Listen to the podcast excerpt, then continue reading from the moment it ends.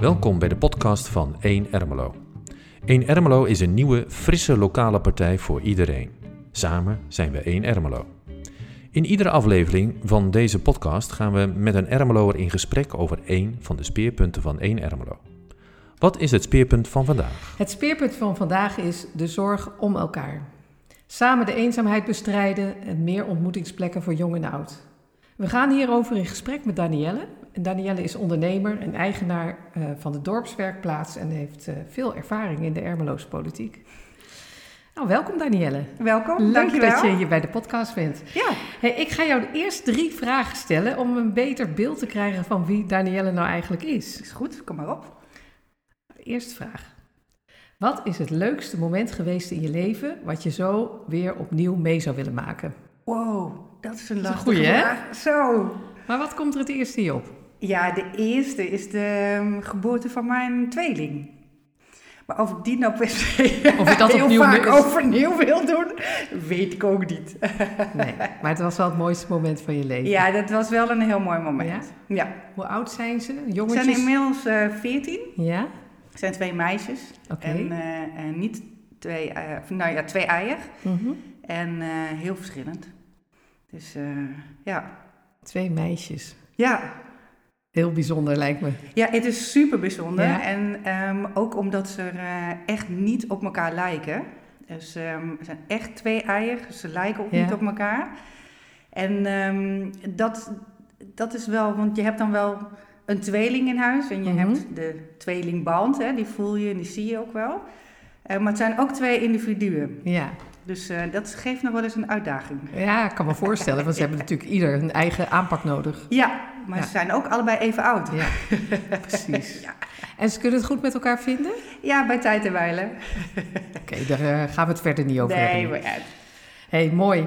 Ehm, nou, ik heb wat onderzoek gedaan eh, op eh, internet. Ehm, en ik heb gelezen dat je best een gevarieerde loopbaan achter de rug hebt. Ja, dat kan je wel zeggen. Van moleculair biologisch analist tot interieurarchitect. Twee al heel verschillende werelden. Ja. Kun je iets vertellen over hoe die loopbaan voor jou is verlopen? Even kort. Ehm, nou ja, ik ben begonnen als eh dierverzorger, ergens vroeger ooit. En ehm, ehm, nou ja, daarin ben ik eh, eh, doorgerold en eh, ben ik moleculair biologisch analist ehm, geworden. Ehm superleuke opleiding. En toen ben ik twee jaar aan het werk geweest en toen dacht ik, is dit het nou? Voor mijn 25ste al denken, is dit het nou? Was niet echt een optie. Eh, maar ja, wat dan wel? En Mhm. eh, ik had een eigen huis en eh, nou, alles voor elkaar. helemaal zeg maar. zelfstandig. alles zelfstandig. Ja. En ehm, toen heb ik eigenlijk mijn banen opgezegd, mijn huis verkocht en ben ik naar de kunstacademie gegaan. Dat was eigenlijk altijd al een beetje een soort van tweestrijd geweest hoor. Mm. Dus dat is altijd, altijd dat ik dacht, oh, dat vind ik ook wel heel erg leuk. Ook wel super leuk om te doen. En ehm, dus voor mij was het eigenlijk niet zo'n hele moeilijke keuze. Want ik dacht, nou dan ga ik nu dat doen. Kijken of ik dat leuk vind. En, eh, En welke richting heb je gedaan op de ja, kunstacademie? interieurarchitectuur. Oh, zo, ja. En ehm, dus eh, dat heb ik toen gedaan. En ehm, ik ben eh, vier jaar naar school gegaan. En nou, dat was de beste keuze ever in mijn leven. En ja, het is toch wel een hele omslag ineens. Hè? Ja. Van een vaste baan naar ehm, eh, student zijn, Ja. fulltime. Maar ik heb er echt nooit spijt van gehad. Tot op de dag van vandaag, eh, ook al doe ik niet meer, ehm, toch geen spijt. En wat is het dan wat je tot op de dag van vandaag nog zo waardeert eraan? Nou, ik ben niet blijven zitten in een situatie waar ik niet gelukkig in was. Oh, oké. En ehm, ook al had ik alles goed voor elkaar en je eigen huisje en je auto en Ja. ehm, ik leerde mijn man kennen, nou ja, nu mijn man dan. En ehm, ja, dat is, weet je, om dat op te geven, dat is, dat is wel een ding.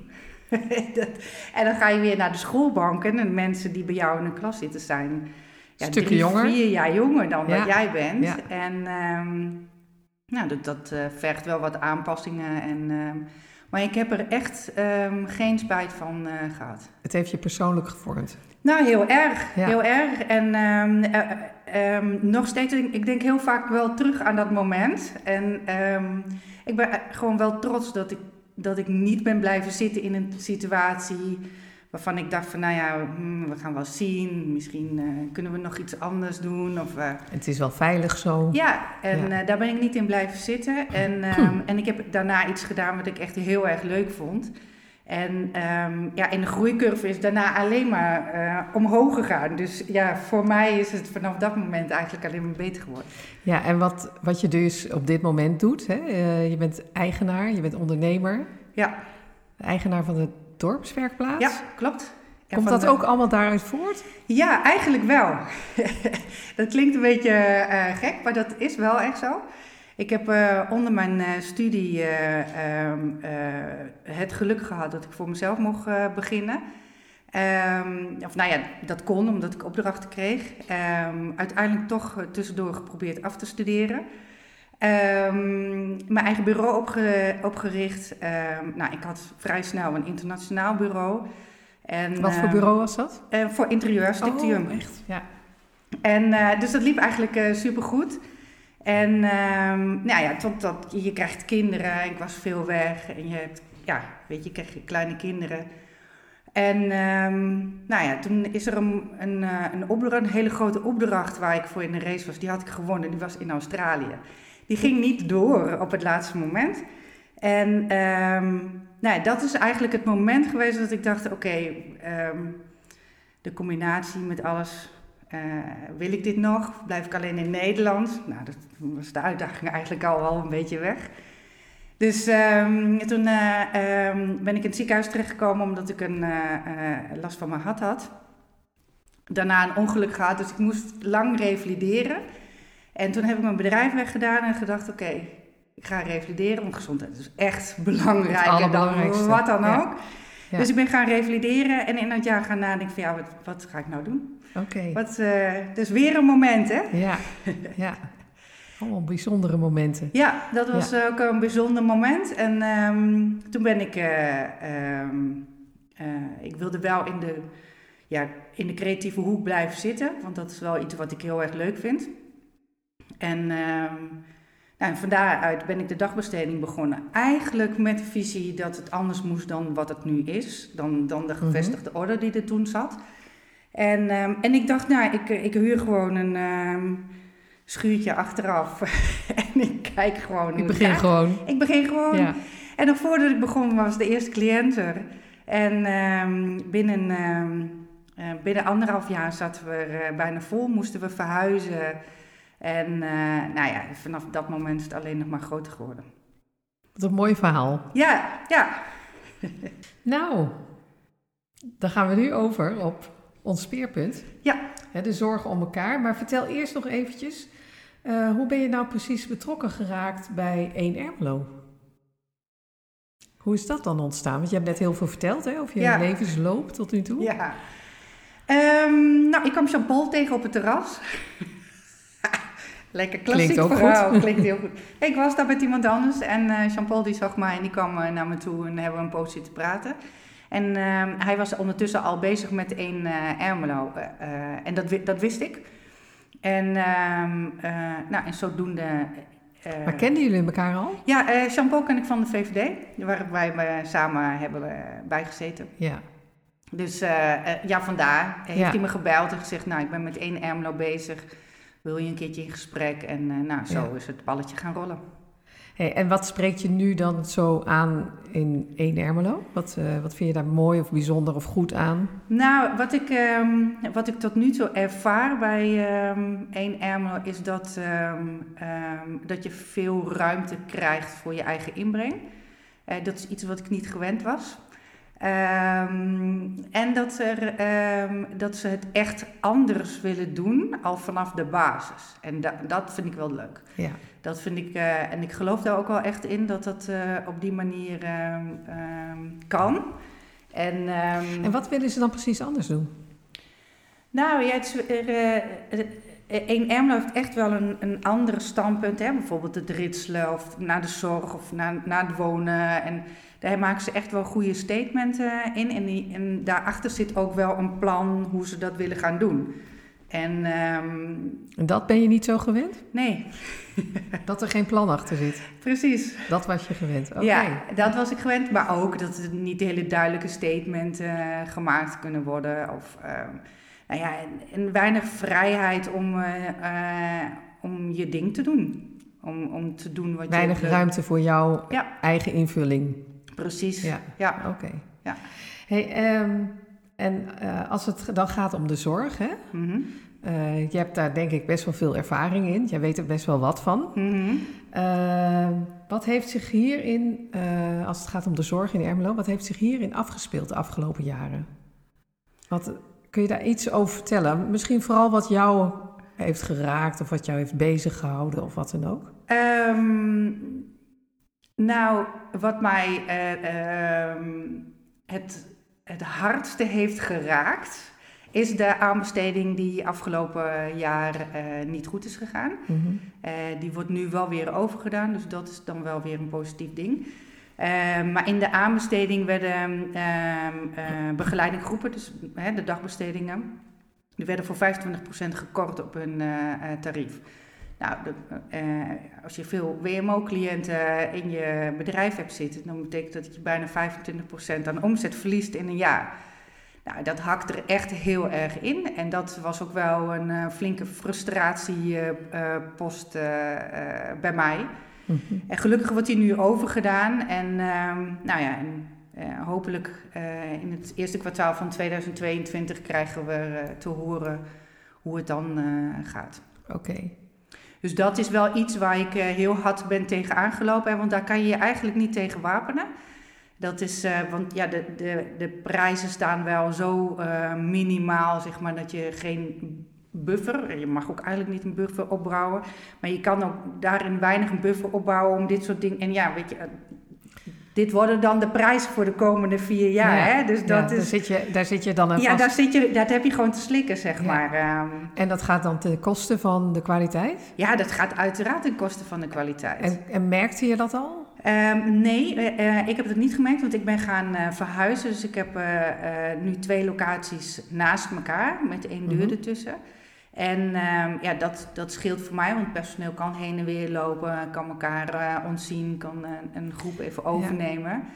En eerder zat ik op twee verschillende locaties en dan is het echt wel, dan, ja, Ja. dan is het echt wel een ding. Ja, even voor de luisteraar, want je, Ja. je hebt het over locaties. Hè? En ik denk dat het gaat over de dorpswerkplaats. Klopt. Kun je daar iets over vertellen wat het dan precies eh, is op dit moment? Um, die, dat is een creatieve dagbesteding. Mhm. En die uh, zat uh, uh, voorheen altijd naast de Rabobank. En die zitten nu boven Shubi. dus zitten we daar. De kledingzaak. Ja, ja boven Shubi de kledingzaak. En um, daar zat ook al een groep. Dat is de dorpskookplaats.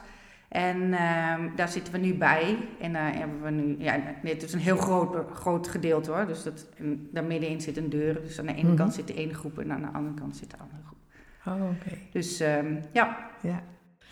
Hey, um, en als jij nou met jouw blik, hè, met, met jouw ervaring en jouw kennis van de, het werken met mensen, het werken in de zorg, naar de bewoners van Ermelo kijkt, welke issues spelen er dan op dit moment op het gebied van zorg en welzijn? Ja, ik denk dat eenzaamheid is natuurlijk een, een heel, zeker in, uh, in deze coronatijd, een heel groot um, uh, ding. Um, en ik, ja. Um, en dan gaat het over eenzaamheid bij oudere mensen, maar ja, ook bij jongeren. Ja, ja, ja, nee, wij hebben ook wel jongere mensen. Ik bedoel, ik hoef alleen maar bij mij in de dagbesteding te kijken. Mm -hmm. En uh, ik, heb, ik heb daar uh, van jong tot oud uh, zitten. En um, ja, dat is gewoon schrijnend. Zeker nu wordt het wat, wat rustig. Nou, nu komen er weer nieuwe maatregelen aan. Dan wordt het weer wat onrustiger. Maar in het begin was dat echt heel, er, heel erg. Want was iedereen gewoon helemaal van slag. En, en um, dus eenzaamheid is wel een dingetje. En ik, wat ik heel erg jammer vind, zijn dat de buurthuizen weg zijn. Mm -hmm. Dat je de sociale uh, plekjes, hè, die je normaal, uh, die, die het overgrote gedeelte van de mensen had, dat die weg zijn. Dat ze niet meer een plek hebben waar ze gewoon lekker even een bakje koffie kunnen drinken of eh, even een kaartje kunnen leggen of uh, schaken of weet ik veel, weet je wat ze dat daar is deden. allemaal verdwenen? Ja, dat is voor een groot gedeelte is dat verdwenen. Er zijn er nog één of twee zijn er en dan uh, daar houdt het mee op. En dat, En hoe komt het dat het verdwenen is? Is dat allemaal wegbezuinigd? ja, volgens mij is het allemaal wegbezuinigd. Ja. En dat is echt zo ongelooflijk jammer. Ja. En, maar er is ook niks voor in de plaats gekomen. En ik snap dat die buurthuizen die kosten geld. Hè, maar je kunt ook een combinatie met scholen zoeken. Want die staan s'avonds en in het weekend leeg. En, weet je, zo zijn er heel veel kruisbestuivingen die je wel kan gaan doen. Maar die gewoon, waar gewoon geen initiatief voor uh, uh, wordt ge genomen. En die initiatieven die zouden genomen moeten worden door de gemeente? Ja, dat zou, ik heel waarderen als dat zou ja. gebeuren. Ja. En dat gebeurt te weinig. Nee, ja, dat gebeurt toe. echt veel te weinig. En hoe komt dat, denk je? Ja, ze zijn ergens anders mee bezig, denk ik. Andere belangen. Ja, ja. Dit is, ja dit is zo'n ondergeschoven kindje. Maar het is zo belangrijk en zeker in deze tijd. Hè, dat en is, in dit dorp, denk ik en, ook. En in dit dorp, wat echt een zorgdorp uh, is. Um, ja, dat is... Weet je, het is gewoon zo belangrijk dat je die, die uh, buurthuizen hebt. Waar mensen naartoe kunnen gaan. En je hebt daardoor ook veel meer zicht op elkaar. Ja. Hè? Uh, je weet waar iedereen is, je weet hoe iedereen zich voelt. En uh, als iemand een poosje niet geweest is, dan ga je daar eens een keertje langs om te vragen: van joh, gaat alles ja. goed? Kan ik je ergens mee helpen? Ja. En die hele sociale controle die daaromheen zit, die is helemaal weg nu. En, dat is, en daardoor worden mensen ook eenzaam. Ja. En dat is gewoon zo ongelooflijk jammer. Ja. Dat, uh, dat gaat me echt wel aan mijn hart. Ja. Ja, want juist die verbondenheid, hè, of Ja. je, je opgenomen voelen in een gemeenschap is heel erg belangrijk. Dat is, dat is een van de Ja. basisdingen eh, van een fijn bestaan. Precies. Dat Ja. je het gevoel hebt dat je erbij hoort en dat je gezien wordt en dat je je, ertoe en doet. ja, ja, en er maar zijn. Dat zijn een van de basisdingen om je eh, gelukkig te voelen. Ja. Dus ja, ik vind het enorm belangrijk dat die weer terugkomen. Ja. Of in een kruisbestuiving. Of, Hey, en wat moet er dan gebeuren om, ja, om dit weer voor elkaar te krijgen?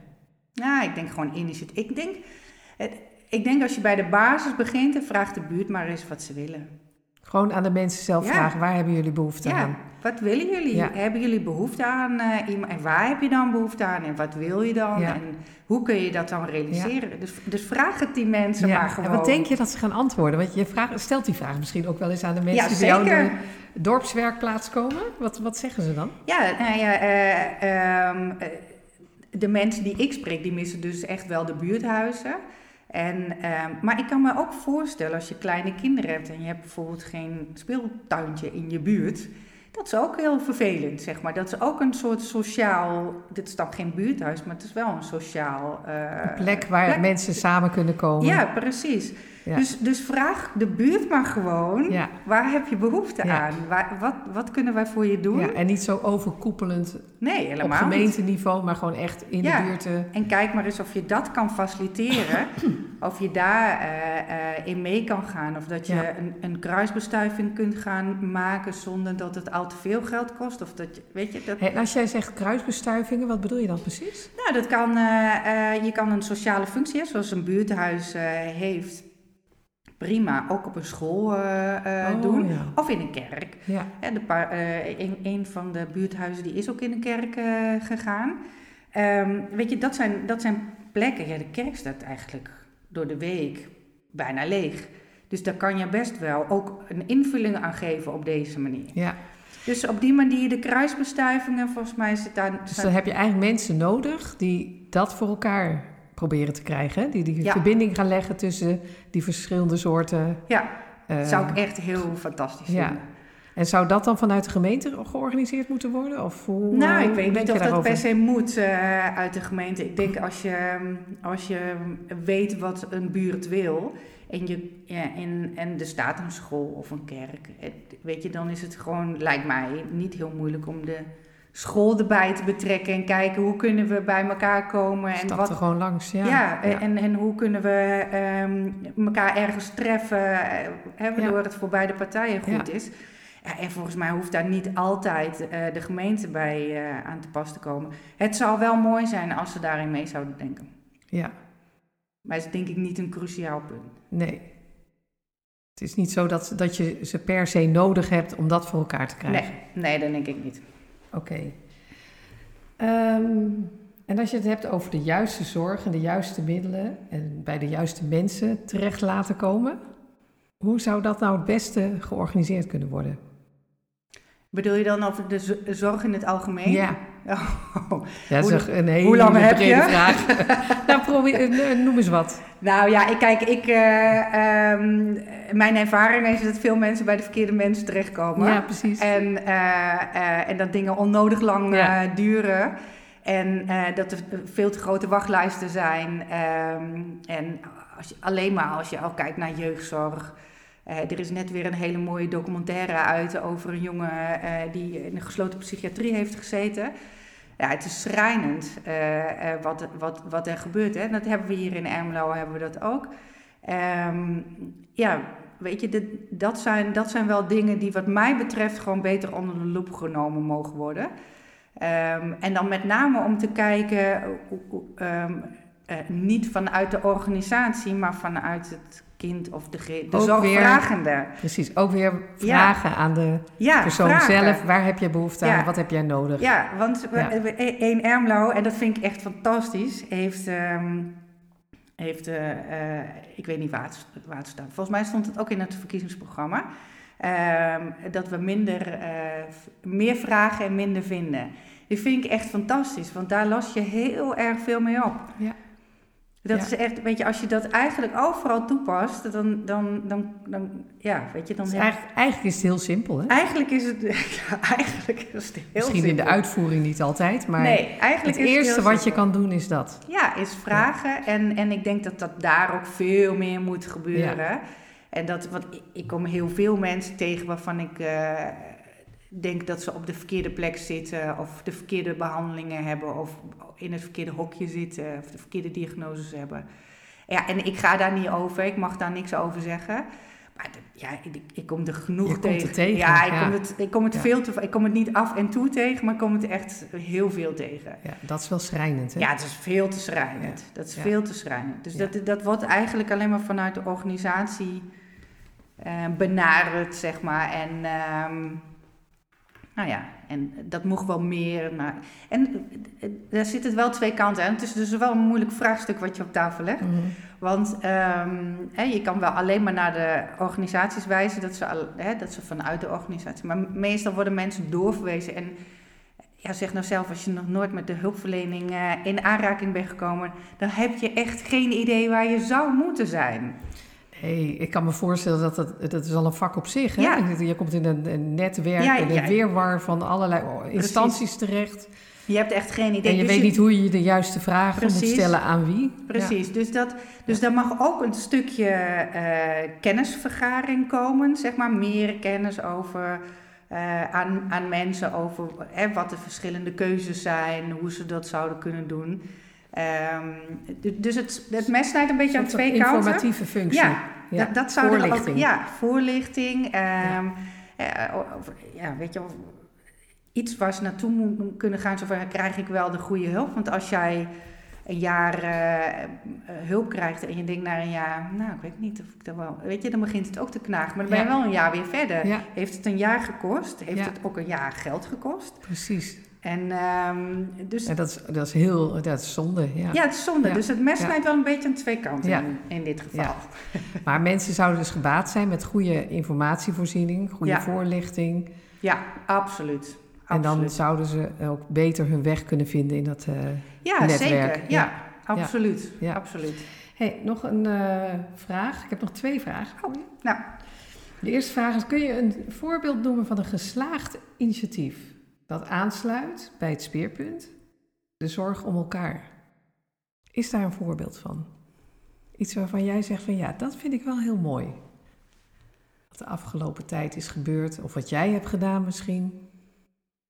nou ehm, dat is wel een combinatie met wat ik heb gedaan. Maar ik wil mezelf niet de hele tijd daarin betrekken. Maar we hebben hier in eh, Ermelo een eh, stichting. Die is afgelopen zomer opgericht ehm, voor mensen die net niet naar de voedselbank kunnen. Eh, die dus, hè, want bij de voedselbank daar zit een, een duidelijke restrictie aan wanneer je er naartoe mag en wanneer niet. Dus mensen kunnen echt op uh, 10 euro afgewezen worden, omdat ze dan gewoon net 10 euro te veel verdienen. Die kunnen dan wel naar die stichting. En wij met de dorpskookplaats koken maaltijden ook voor die mensen. Dus dat is weer een mooie kruisbestuiving. Wij halen de groenten uit onze moestuin.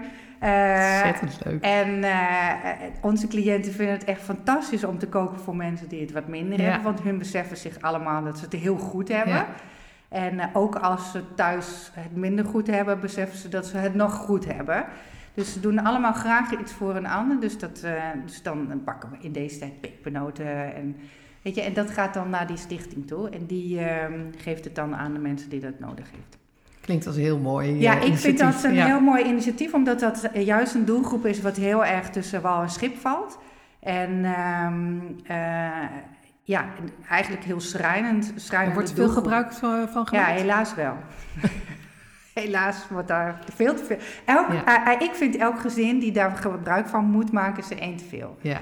Want je gunt gewoon dat iedereen gewoon een normale boterham kan kopen en, uh, en niet zijn hand op hoeft te houden ergens. Precies. Dat, is, dat wil niemand. Nee. Dus als je, als je dat al gaat doen, dat is een hoge drempel.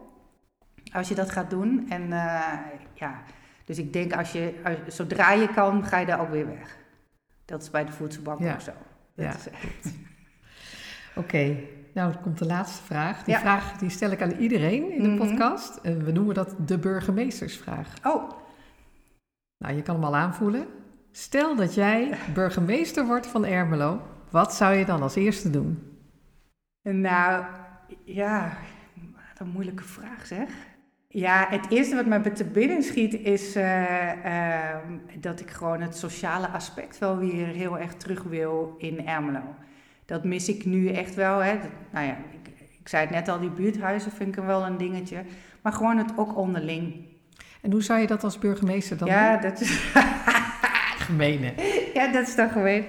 Uh, ik weet niet, ik, ik, heb geen idee hoe ik dat als burgemeester zou... Uh, uh, nu, hoe ik dat nu zou faciliteren. Maar ik zou me wel de hart voor maken dat er... Ehm, dat iedereen of dat, ja, dat bijna iedereen zich gezien en, en gehoord voelt in Ermelo. Vind ik een hele mooie afsluiter. Nou, dankjewel. Dankjewel, Danielle. Jij ook. Wil je meer weten of ons helpen, steunen of je verhaal kwijt? Neem dan contact op via onze website www.1ermelo.nl of mail naar info.1ermelo.nl. Ba-da-ba-ba-da-ba-ba-da-ba